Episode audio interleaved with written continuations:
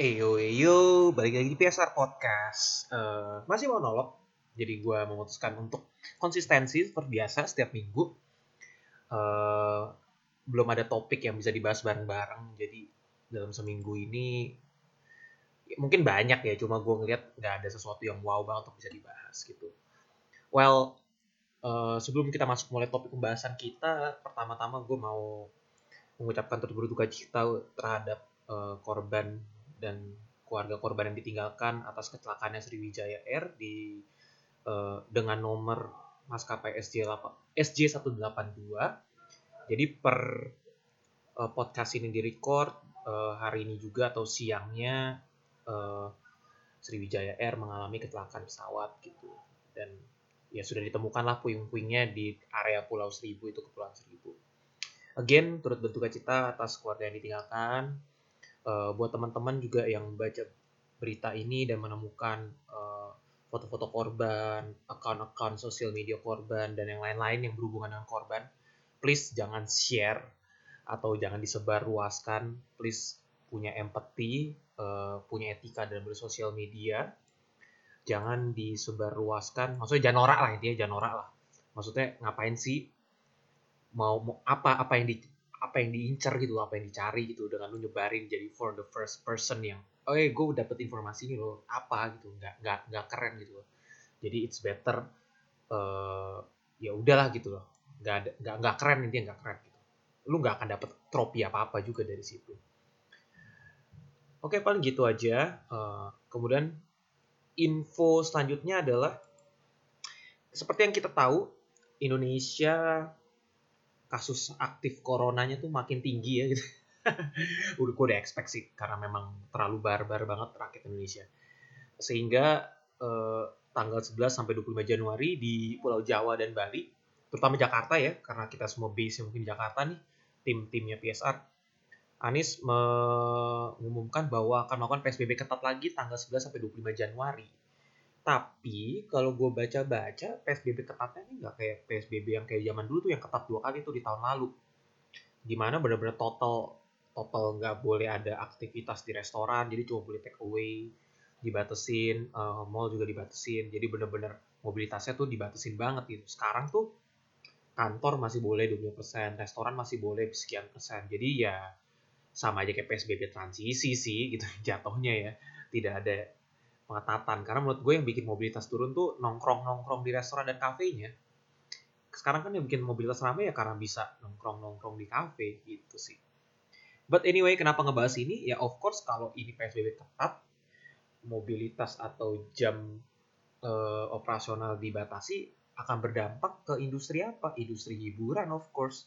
Tadinya tuh konser bukan konser kali ya uh, kayak session musik concession musik apa istilahnya ya? Gigs gigs gitu lah. Gigs gigs terus konser konser kecil yang mungkin nggak uh, makan banyak apa sih seat gitu. Banyak banyak banyak membawa, membawa kerumunan banyak orang gitu. Nggak banyak banyak banget lah masih bisa dibatasi. Itu udah mulai.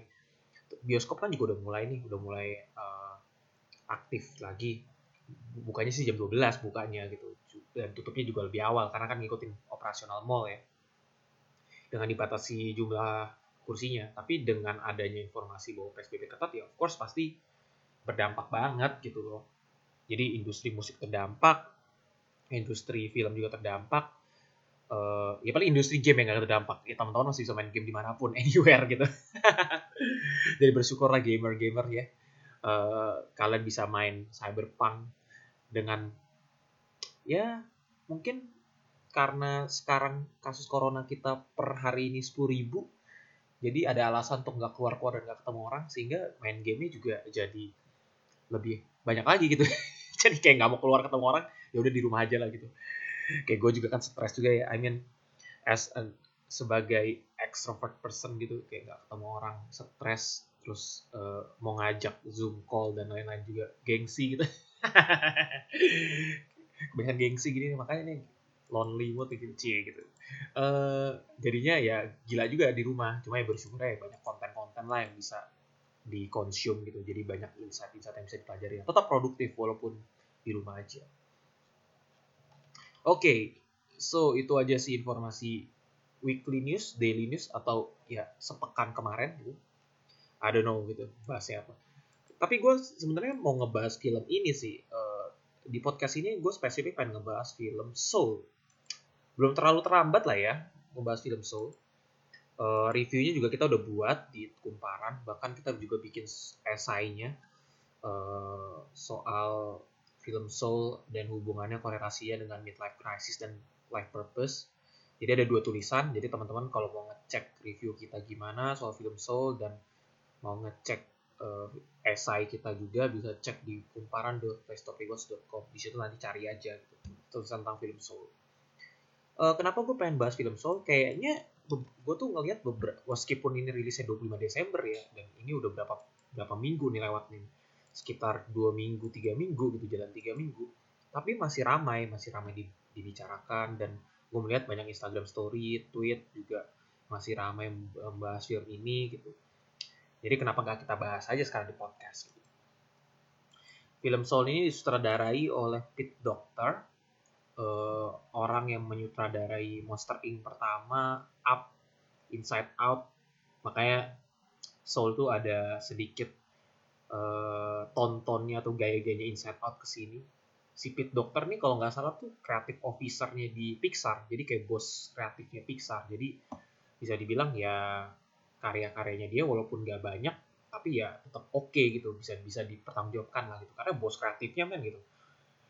What do you expect gitu? Pasti harusnya ekspektasinya tinggi gitu dan harusnya nih as far I know Soul ini harusnya dirilis pertengahan tahun 2020 kemarin karena pandemi corona akhirnya dirilis akhir tahun dan secara uh, streaming service. Pengerjaannya juga uh, post productionnya, hmm, ntar, film animasi itu ada post production ya? Kayaknya mostly memang productionnya lewat ini deh post production in quotation gitu, in, maksudnya kayak nggak ada syuting syuting juga gitu kan. Jadi ya memang diproses secara production aja gitu, animator kan.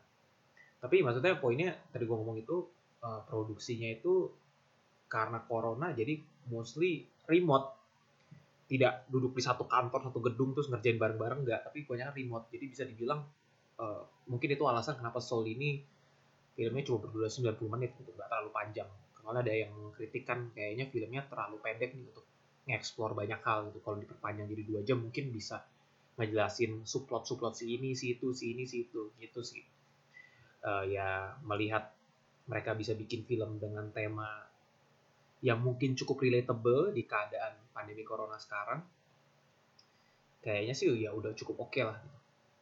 Ya film Soul ini menjawab pertanyaan what is the meaning of life? What is my true purpose? Jadi buat teman-teman yang mungkin lagi mengalami life crisis in the midst of pandemic kayaknya ini bakal kena banget gitu karena menanyakan kayak hidup tuh apa sih terus tujuan hidup tuh apa sih gitu so philosophical ya untuk ukuran film anak-anak ya. Tapi semua juga kayaknya sepakat deh. Ini tuh untuk ukuran film animasi kayaknya buat anak-anak juga terlalu berat. Kayaknya anak-anak juga nggak bakal bisa enjoy ya. Paling bisa enjoy cuma interaksi-interaksi lucu-lucunya aja gitu karena mungkin warna-warni terus juga uh, enak dilihat animasinya. Ya itu aja. Tapi secara tema, secara pembahasan kayaknya agak sulit untuk bisa di nikmatin anak-anak gitu. Anak-anak pasti banyak tanya. Kayaknya orang dewasa malah yang banyak yang berkomentar soal film ini. Karena ngomongnya soal midlife crisis sih.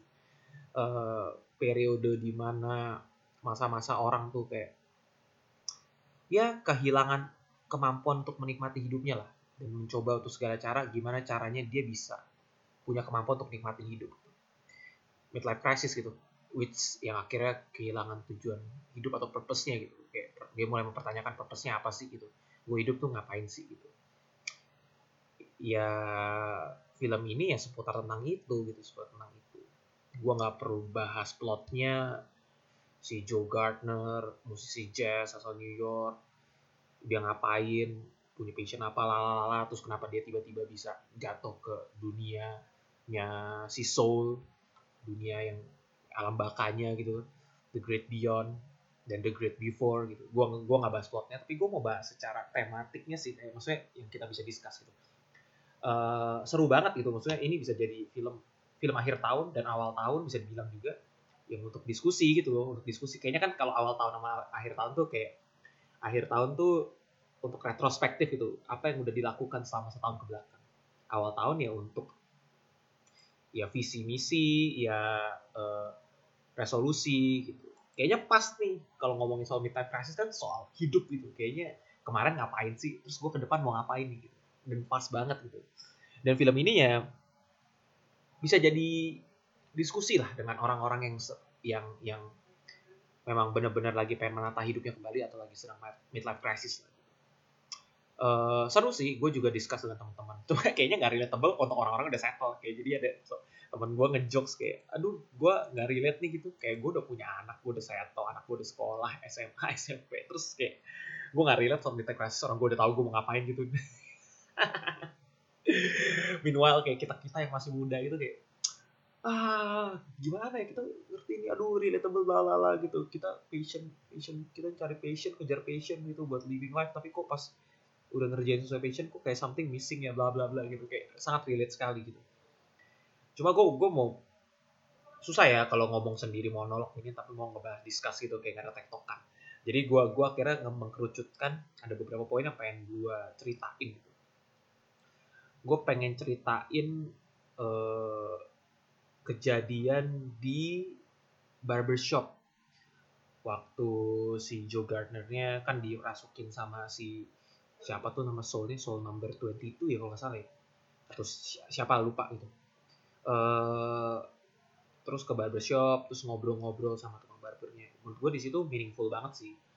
Di mana biasanya kita bertanya-tanya kan kayak lu kan kuliah di jurusan ini atau lu kan skillnya jagonya di sini kenapa lu nggak ngikutin mimpi lu gitu? Kenapa lu malah enjoy dengan pekerjaan atau sesuatu hal yang lagi lu kerjain sekarang gitu padahal sebenarnya lu punya impian mau jadi ini ini nih kalau konteks itu kan barunya pengen jadi veterinarian ya dokter hewan gitu. Cuma kenapa? Kenapa lu ini? Terus menurut jawaban barbershop menurut jawaban barbershopnya ini si si tukang cukurnya ini menurut gue capsternya ya uh, bukan menarik ya enlightenment lah gitu. Katanya kayak ya nggak semua orang lah maksudnya punya mimpi jadi veterinarian semua juga jadi veterinarian gitu uh, dan kadang-kadang gue juga enjoy kok dengan jadi tukang cukur karena gue di sini bisa ya ngeliat atau membicarakan hidup-hidup orang lain gitu atau memberikan semangat atau purpose orang-orang yang ngobrol di sini gitu jadi kadang-kadang kalau ngeliat dari perspektifnya Joe Gardner kayak dia tuh terlalu self-centric gitu, terlalu egocentric, ngomongin tentang dirinya mulu. Makanya kan pas dia ngomong kenapa lu nggak ngomong ini dari dulu gitu. Ya lu cuma ngomongin tentang lu doang sih, jazz, ngomongin jazz, jazz, jazz. Lu gak pernah tanya gue hidup gue gimana gitu. Which sebenarnya itu juga jindir sih. Kadang-kadang kita ketika lagi mencari tujuan hidup, mencari uh, atau ngomongin passion kita, kita tuh ngomongin tentang kita, kita, kita dan kita terus gitu. Kita lupa kadang-kadang uh, coba deh tanya orang lain passionnya apa. Coba deh dengerin orang tuh uh, visi hidupnya apa atau interestnya apa. Mungkin kita bisa dapat pelajaran atau life lessons dari mereka gitu. Kenapa mereka sukanya ini mimpinya ini tapi kenapa dia ngerjainnya ini gitu. Sama seperti ini kadang-kadang kita lupa ngelihat yang sekitar kita selalu self-centered dan mikirin kita sendiri gitu. Jadi lupa gitu. sehingga kita nggak dapet life lessonnya kurang bisa enjoy dengan hidup. Dan itu menarik sih uh, lu mimpi jadi A belum tentu atau ya lu bukan berarti lu harus jadi A juga lu bisa jadi yang lain kok sambil lu tetap ngikutin A gitu industrinya si A gitu. Ibarat kayak gue misalkan gue enjoy dengan musik tapi gue nggak bisa main musik bukan berarti gue harus jadi musisi kan gitu gue tetap bisa nikmatin industri musik sembari gue mengerjakan apa yang bisa gue kerjakan sekarang gitu. Itu menarik banget sih uh, scene di barbershop itu. Gue yakin banyak orang-orang yang lagi life crisis tuh kayak pas di situ momen-momen kayak aduh ini kenapa banget kenapa kenapa gitu ya benar enlightenment lah gitu. Uh, kemudian yang kedua adalah scene di ini setelah si Joe Gardner itu uh, main jadi session player gitu di, di club jazz yang dia impikan. Jadi kan setelah keluar dia bilang ini tuh dari dulu yang gue pengen lakukan gitu jadi session player tempat jazz club jazz yang gue mimpikan tapi setelah gue nyobain ini kok biasa aja ya? kok something missing ya gitu? Something kayak ya udah gini aja gitu. Nggak nggak seperti yang gue pikirkan. Nggak seperti kayaknya gue dapet wah dapet sesuatu eh, uh, happiness yang bakal bener-bener meng, menggila-gila gitu saking senangnya cuma gini aja gitu setelah dijalanin. Uh, terus kan si siapa tuh nama ceweknya? Gue lupa nama ceweknya eh, yang yang jadi seksofonis yang pemilik klub jazznya juga bilang kan kasih ilustrasi soal ikan kan yang dia bilang ikannya tuh ikan kecil ini nanya ke ikan yang udah lebih wise bilang gue pengen berenang di ocean gitu terus yang si wise bilang eh lu selama ini lu berenang di ocean gitu. Lu pikir lu berenang di kolam atau di sungai padahal lu sebenarnya udah di ocean. Uh, itu juga meaningful banget gitu. Sangat sangat meaningful banget. Bahwa sebenarnya kadang-kadang kita tuh kita tuh udah kayak bukan egois ya eh, nggak uh, mau bersyukur gitu kita tuh pengen A B C D D. Punya ambisi besar A B C D E F G. Tapi sometimes kita lupa gitu. Eh tau gak sih gitu lu ngejar-ngejar yang di depan tapi sebenarnya tuh lu tuh udah dapet yang lu mau. Cuma lu terlalu mengejar yang mengejar lebih lebih lebih itu nggak pernah puas. It's never enough for you gitu. So that thing yang sebenarnya ya kurang syukur lah, kurang bersyukur lah gitu. Dating yang sebenarnya akhirnya membuat jadi life crisis gitu. Atau bisa dibilang juga gini sebenarnya, uh, secara psikologis kan menyatakan bahwa tidak ada perasaan yang bertahan selamanya. Jadi lo mau benci, sebel, kesel, jatuh cinta, atau you name it lah perasaan apa itu, emosi apa pun itu, itu tidak akan bertahan selamanya. Makanya ketika lo merasa takut atau depresi atau apa, yang menguasai pikiran, bukan yang menguasai pikiran apa ya, semuanya itu kan cuma terjadi di pikiran lo gitu kan. Seakan-akan lo takut melangkah karena lu takut apa yang ada di pikiran lu terjadi gitu. Tapi percayalah apa yang lu rasakan kesedihan misalnya lagi putus cinta juga kesedihan itu juga gak akan bertahan selamanya gitu loh. Galau yes gak silakan galau tapi tidak akan bertahan selamanya gitu.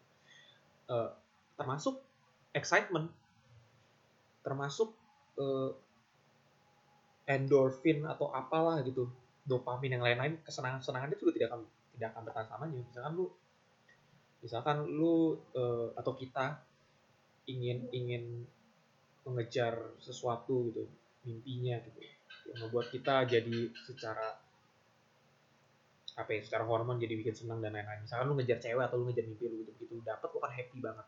Tapi you know what? Setelah lu dapet udah gitu aja. Ini tuh ibarat sama aja kayak lu mau beli barang mahal yang lu pengen beli dari dulu lu nabung lama saking senengnya tapi begitu lu dapet udah biasa aja gitu. Ini kan penyakitnya emotional decision kan pengen beli barang gitu kan si tukang shopping gitu kan e, pengen dapet rasa menyenangkan belinya padahal setelah beli ya, ya udah gitu aja. Makanya nggak pernah puas kan it's never enough gitu. E, jadi pas di momen itu tuh banyak banget tuh meaning yang bisa diambil tuh kayak wah sekarang gue ngerti kenapa bukan masalah gue nggak dapet dapet atau ambisi mimpi gue nggak pernah tercapai tapi gue nggak pernah bersyukur dengan apa yang udah gue punya sekarang. Itu masalahnya. Life crisis tuh soal itu. Makanya di ending kan disimpulkan kayak gue akan hidup living in the moment gue akan ngerjain apa yang gue lakukan secara fully gitu secara konten gitu. Secara bener-bener ya maksimal gitu. Gue akan enjoy every every moment secara secara uh, apa ya secara apa pun yang terjadi itu gitu apa pun yang terjadi gue akan enjoy gitu. Ya lagi susah ya enjoy gitu. Yang ngejar ambisi kalau nggak achieve achieve juga gue enjoy gitu. Itu kan intinya bersyukur kan. Jadi orang-orang life crisis kan sebenarnya lupa bahwa uh, untuk istirahat, untuk step back gitu, mundur ke belakang sekali untuk retrospektif dan bersyukur dengan apa yang mereka miliki dan mulai menata hidupnya kembali gitu untuk mencari life purpose-nya gitu. Untuk kembali mencari tujuan hidupnya gitu. Kadang-kadang kita tuh cuma butuh tujuan hidup dan punya pengharapan aja sih gitu untuk bisa mendapatkan kebahagiaan dan tanda kutip gitu untuk menjalani hidup. Dan kadang-kadang ya life purpose atau tujuan hidup personal dengan society juga ya berbeda gitu. Jadi jangan pernah sama-samakan diri kita dengan orang lain gitu. Tujuan hidup mereka dan tujuan hidup kita atau mimpi mereka mimpi kita atau standar mereka standar kita tuh nggak sama gitu. Jadi jangan pernah dibanding-bandingkan gitu. Kadang-kadang life crisis kan suka ngebanding-bandingin gitu. Makanya eh, bisa dibilang ya konten lah gitu. kayak ngomong gini kayak curhat pribadi gitu ya. Memang memang curhat pribadi guys gitu kan tapi gue liat gue gue ngobrolin film soal ini sama banyak orang dan dan banyak orang yang memang lagi ngalamin life crisis juga bisa dibilang lah. Kehilangan kehilangan tujuan hidup. Nggak juga sih bukan kehilangan tujuan hidup ya. Mengalami krisis ketika ada fase transisi kehidupan gitu. Jadi fasenya tuh berubah. Apalagi kan karena corona gitu. Semua mengalami fase yang berubah secara berubah fase secara drastis itu karena pandemi ini gitu. Of course makanya film Soul ini menurut gua tepat banget di ditayangkan pada akhir tahun sekaligus bisa jadi pembuka tahun juga gitu. Uh, susah juga ya monolog gini ya gitu. Gue agak terbata-bata ngomongnya beda kalau misalnya ngobrol sama orang ya gitu. Jadi kayak ada tektokannya gitu. But anyway film ini menarik banget teman-teman. Kalau yang belum nonton please nonton jangan ngerasa karena karena udah ke spoiler menurut gue spoilernya nggak penting tapi temanya yang penting. Uh,